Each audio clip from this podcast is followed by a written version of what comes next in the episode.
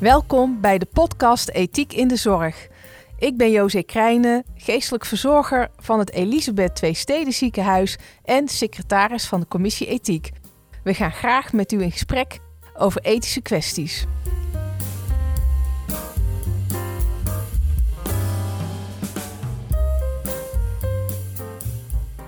Welkom bij uh, de nieuwe podcast van uh, Ethiek uh, in het ETZ. We hebben vandaag als thema schaarste in de zorg, aflevering 1.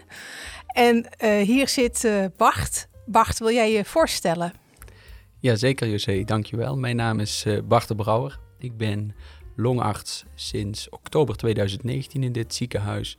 En houd me vooral bezig met interstitiële longziekten en obstructieve longziekten. Daaronder vallen astma en COPD en ben sinds medio vorig jaar medisch manager geworden. En je bent nog een jonge arts volgens mij. Ja, dat ligt eraan wat je onder jong verstaat, maar uh, ik ben 34 jaar dus. hoe lang ben je dan afgestudeerd? Zeg maar helemaal gecertificeerd uh, medisch specialist? Sinds oktober 19 medisch specialist en basisarts sinds oktober 2013. Oh ja, ja. Dat is eigenlijk al best wat ervaring zo.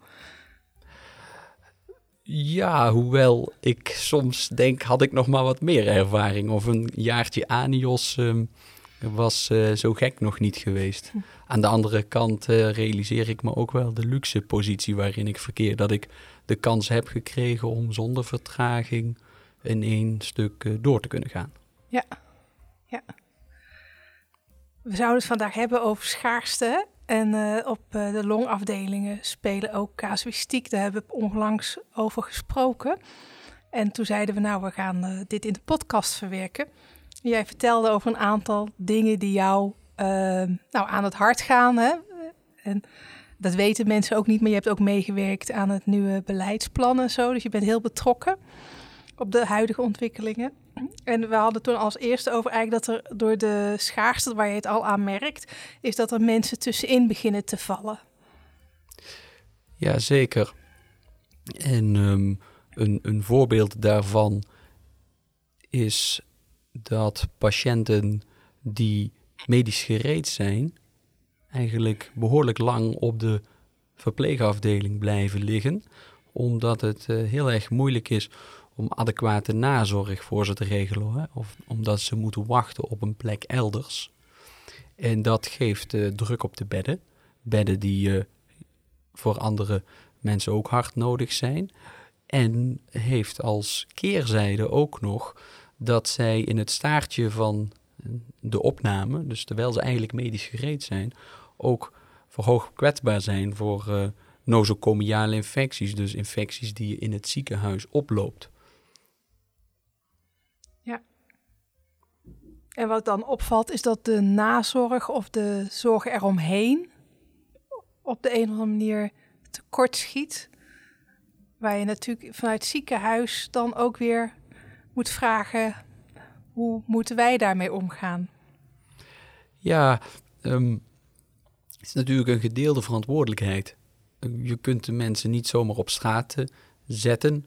Um, maar het is wel echt een probleem dat de nazorg niet altijd beschikbaar is. En die krapte die is overal in de zorg merkbaar, dus ook in de thuiszorg, maar ook bij verpleeginstellingen. En um, dat wringt en wrijft nogal eens. En dat zal, vrees ik, de komende periode uh, uh, alleen nog maar meer voelbaar worden. Ja, en je hebt dan uh, nou ja, vanuit wat voor principes maak je dat soort keuzes dan? Hè? Van iemand moet nog, we laten iemand nog even liggen, want er is nog geen, uh, uh, er is nog geen, uh, geen nazorg gewoon. Dan belandt iemand thuis of zonder dat hij voor zichzelf kan zorgen. Zulke drama's eigenlijk, toch? Ja, of maar ja, je houdt ook weer een bed vast van iemand. En iemand krijgt weer geen zorg op tijd. Ja. ja, dat is de spagaat waarin je verkeert. Aan de andere kant, dan heb je zoiets als medisch gereed. Dus onder die uh, vlag mag je de patiënt dan uitboeken. Mm, maar het, het voelt um, niet ethisch, niet kies om een patiënt voortijdig dan maar te ontslaan. Uh, persoonlijk hou ik me daar verre van. Aan de andere kant hebben we ook geen kostgangers, zeg ik altijd. Mhm. Dus ja, eh, we willen mensen ook niet uh, langer houden dan strikt noodzakelijk. En dat is het speelveld of het spanningsveld waar je mee van doen hebt. Ja. Ja, ja en dat speelt op meer vlakken. Hè? Je, je had nog meer uh, voorbeelden van dit soort grens, uh, soort grensgevallen. Van hoe, hoe, lang neem je vanuit het ziekenhuis toch verantwoordelijk voor zo'n mens? Ja, ja zeker. Die, die die casussen of die, uh, die situaties die zijn uh, uh, wekelijks wel aan de orde. Wekelijks? Jawel, jawel, jawel. Hij had een hele erge, vond ik, van het EPD. E dat mensen ook blijven communiceren vanuit het huis. Oh, ja, dat is waar. Dat is waar. Um, nou, dat heeft dan weer te maken met, met um, hoe is de zorg ingedeeld en um, de digitalisering van de zorg. Het is natuurlijk prachtig dat er zoiets is als een uh, digitaal patiëntendossier. Het is natuurlijk erg jammer dat die dossiers niet gekoppeld zijn tussen ziekenhuizen, maar dat is mijn persoonlijke mening. Uh, maar om jouw vraag te beantwoorden. We hebben de patiënten de mogelijkheid gegeven om via mijn ETZ berichten te sturen aan de dokter. Op zich heb ik daar ook geen moeite mee. Maar als de behandeling in de tweede lijn beëindigd is, dus de patiënt is terugverwezen naar de huisarts, blijft de mogelijkheid bestaan om berichten te sturen naar uh, de dokter in het ziekenhuis. En laatst had ik dat aan de hand en ik vond dat best wel een lastige situatie, omdat je dan uh, moet nadenken van waar houdt de verantwoordelijkheid van mij als behandelaar op? En hoe ga je daarmee om? Een concreet voorbeeld. Of er nog bloed kon worden geprikt op die of die Ten eerste moet je je afvragen of dat binnen je vakgebied uh, thuis hoort. En ten tweede, ja, in hoeverre is dat urgent? Want als die patiënt zich met een urgente klacht meldt via mijn ETZ bij jou en je leest dat vier dagen niet, wie is dan verantwoordelijk? En hoe, hoe vlieg je dat aan? Dus dat vond ik ook wel een, een, eh, een, een lastig dilemma. En hoe heb je dat opgelost? Of hoe los je zulke dilemma's op? Ik denk dat boerenverstand daarin uh, heel belangrijk is. Dus je leert in je opleiding wel om te triëren. Je, kent die patiënt ook nog wel. Dus wat ik bij deze patiënt heb gedaan is um, gefilterd van wat moet er nu en wat hoeft er niet meteen nu. En hem met die adviezen teruggestuurd naar de huisarts. Maar stel dat deze patiënt zich met uh, hemoptewee had gemeld bij mij, het opgeven van bloed, ja, die kan ik niet met goed fatsoen terugsturen naar de huisarts, vind ik zelf. Dan zal ik daar zelf actie op moeten ondernemen. Dat kan zijn in de vorm van een overleg met de huisarts om dan de routing verder te bepalen. Maar daarbij is meteen het gevaar, wat als je het niet hebt gelezen? Stel dat wordt gestuurd op vrijdagmiddag en je leest het op maandagochtend. Wiens verantwoordelijkheid is het dan? Mm dat vind ik persoonlijk een hele lastige vraag. Ik heb daar ook niet het antwoord op, vrees ik. Nee, en ondertussen zit die persoon bloed te hoesten. ja. ja. Wat, een, wat een ernstige klacht kan zijn. Ja, ja. Er zijn daar, uh, want er zijn eigenlijk ook op dit moment, dat zijn eigenlijk grij, klopt het dat dat grijze gebieden zijn? Of, of is het zeg maar wel duidelijk wie er op dat moment, de huisarts gaat er waarschijnlijk gewoon formeel gesproken gaat de huisarts erover. Ja. Maar jij krijgt dat appel. Ja. Ja, en daar kun je, denk ik, je ogen niet voor sluiten. En je zou je kunnen terugtrekken in de protocollen van ik doe niks verkeerd, want het hoort niet uh, uh, bij mij, weet je wel. Ja, maar dat vind jij toch niet de juiste nee. werkwijze. Nee, nee. Ten eerste vraag ik me af of dat eh, wat nu juridisch uh, de waarheid is, mhm. om het zo maar uit te drukken. En ten tweede, en dat is eigenlijk nog belangrijker, je bent dokter geworden om mensen te helpen. En als diegene zich tot jou wendt met een klacht, dan heb je in ieder geval de morele verplichting, vind ik, om daar over aan te geven van moet ik daar iets mee of verwijs ik hem naar mijn collega. Ja, ik moet nu denken aan een van die filmpjes van, uh, uh, volgens mij van de Nederlandse Zorgautoriteit over de toekomst van 2040 in de zorg. Is dat, dat vertelt een huisarts. En die begint dan, of uh, je ziet een medisch specialist, zie je denk ik, ja, in een wachtkamer. En hij komt, en op een gegeven moment is de patiënt klaar. Hij gaat mee met de patiënt naar de wachtkamer. En die wachtkamer wordt alsmaar groter en groter en groter. En heel veel mensen, weet je, eh, je ziet allerlei soorten mensen die hebben allemaal hulp nodig. Zo onstellbare hoeveelheid patiënten die hij natuurlijk nooit in zijn eentje aan kan. Dus dat, dat roept het even bij me op van hoe, hoe gaat dit worden, denk jij? Uh, Um, ja, het is natuurlijk overdreven, hè? maar van uh, de angst zit erin van uh, er komen op een gegeven moment is er gewoon meer zorgvraag dan, uh, dan de mogelijkheid om te kunnen zorg te kunnen bieden. Of, of denk je dat dat overdreven is? Dat is trouwens ook nog iets. Hè? Dat zo, ja. Nou, ik denk dat uitvergroting het altijd goed doen ja, uh, in de media. Dus dan, dan bereik ik denk ik een grotere doelgroep. Ja, je begrijpt het ineens. denkt, absoluut, oh, ja, absoluut. Ja. Neem niet weg dat er een kern van waarheid in zit. Dat uh, de alarmerende berichten zijn uh, ja, dagelijks, zo niet wekelijks, overal wel te lezen. Over dat de zorg op deze manier niet langer houdbaar is. Dat is natuurlijk ook een van de uh, punten die we hebben geprobeerd op te pakken in dat beleidsplan voor het ETZ. Ik denk dat het merendeel van de medici en zorgprofessionals in de breedste zin van het woord wel aanvoelt dat het zo niet langer kan.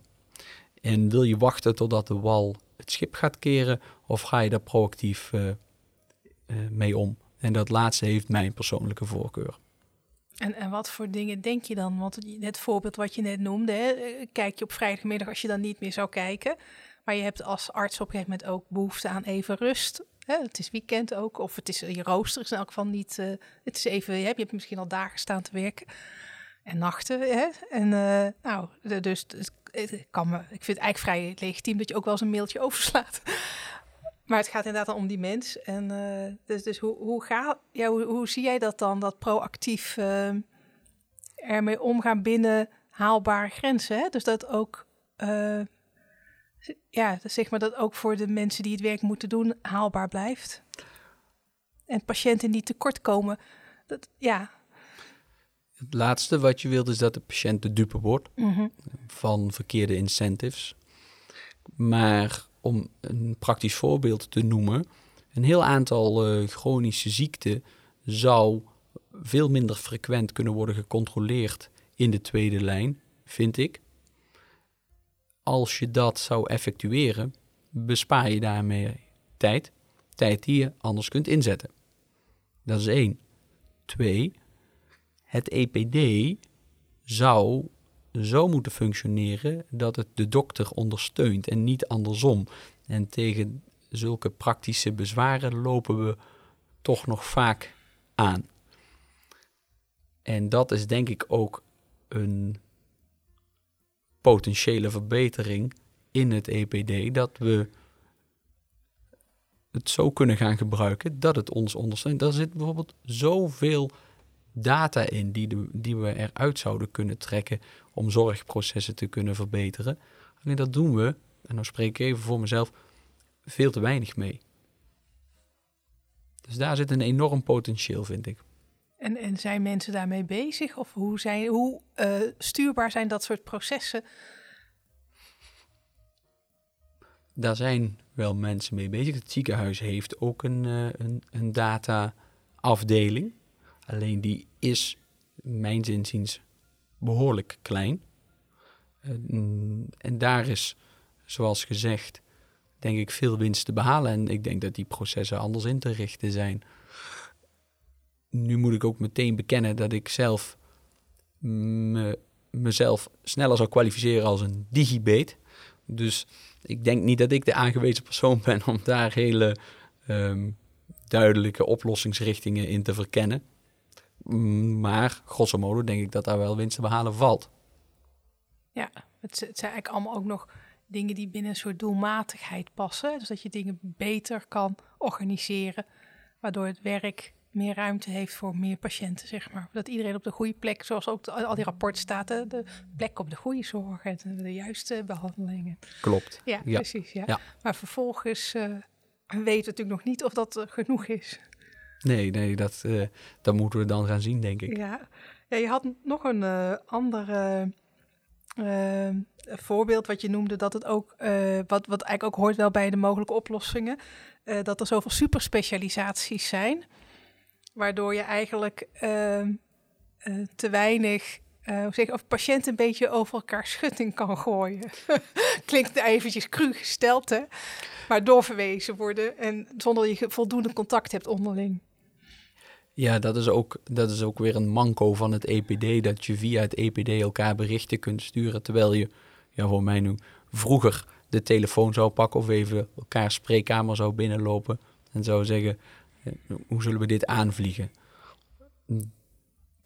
En om door te gaan op, uh, op jouw opmerking, die superspecialisatie heeft eh, zekere voordelen, want er is enorm veel kennis beschikbaar. Aan de andere kant waar houdt dan weer je verantwoordelijkheid op? En als je dan je stukje hebt afgebakend en jouw taak hebt volbracht, en de patiënt heeft ook nog een ander probleem, dan krijg je inderdaad heel snel dat je eilandjes hebt of meerdere kapiteins op het schip en dat werkt niet. Dus ik zie veel heil in enige terugkeer naar uh, generalisten. In ieder geval um, dokters die in staat zijn om een soort helikopterview over die patiënt te houden en die dan ook bereid zijn om de verantwoordelijkheid die daarbij hoort te dragen. Dus niets ten nadele van superspecialisten, want die hebben ontzettend veel kennis in huis. Daar ben ik jaloers op. Aan de andere kant, die verantwoordelijkheid, kapitein op het schip, dat is denk ik ook in de toekomst een belangrijke factor. Ehm, en ook, daar hoort ook misschien een andere benadering bij.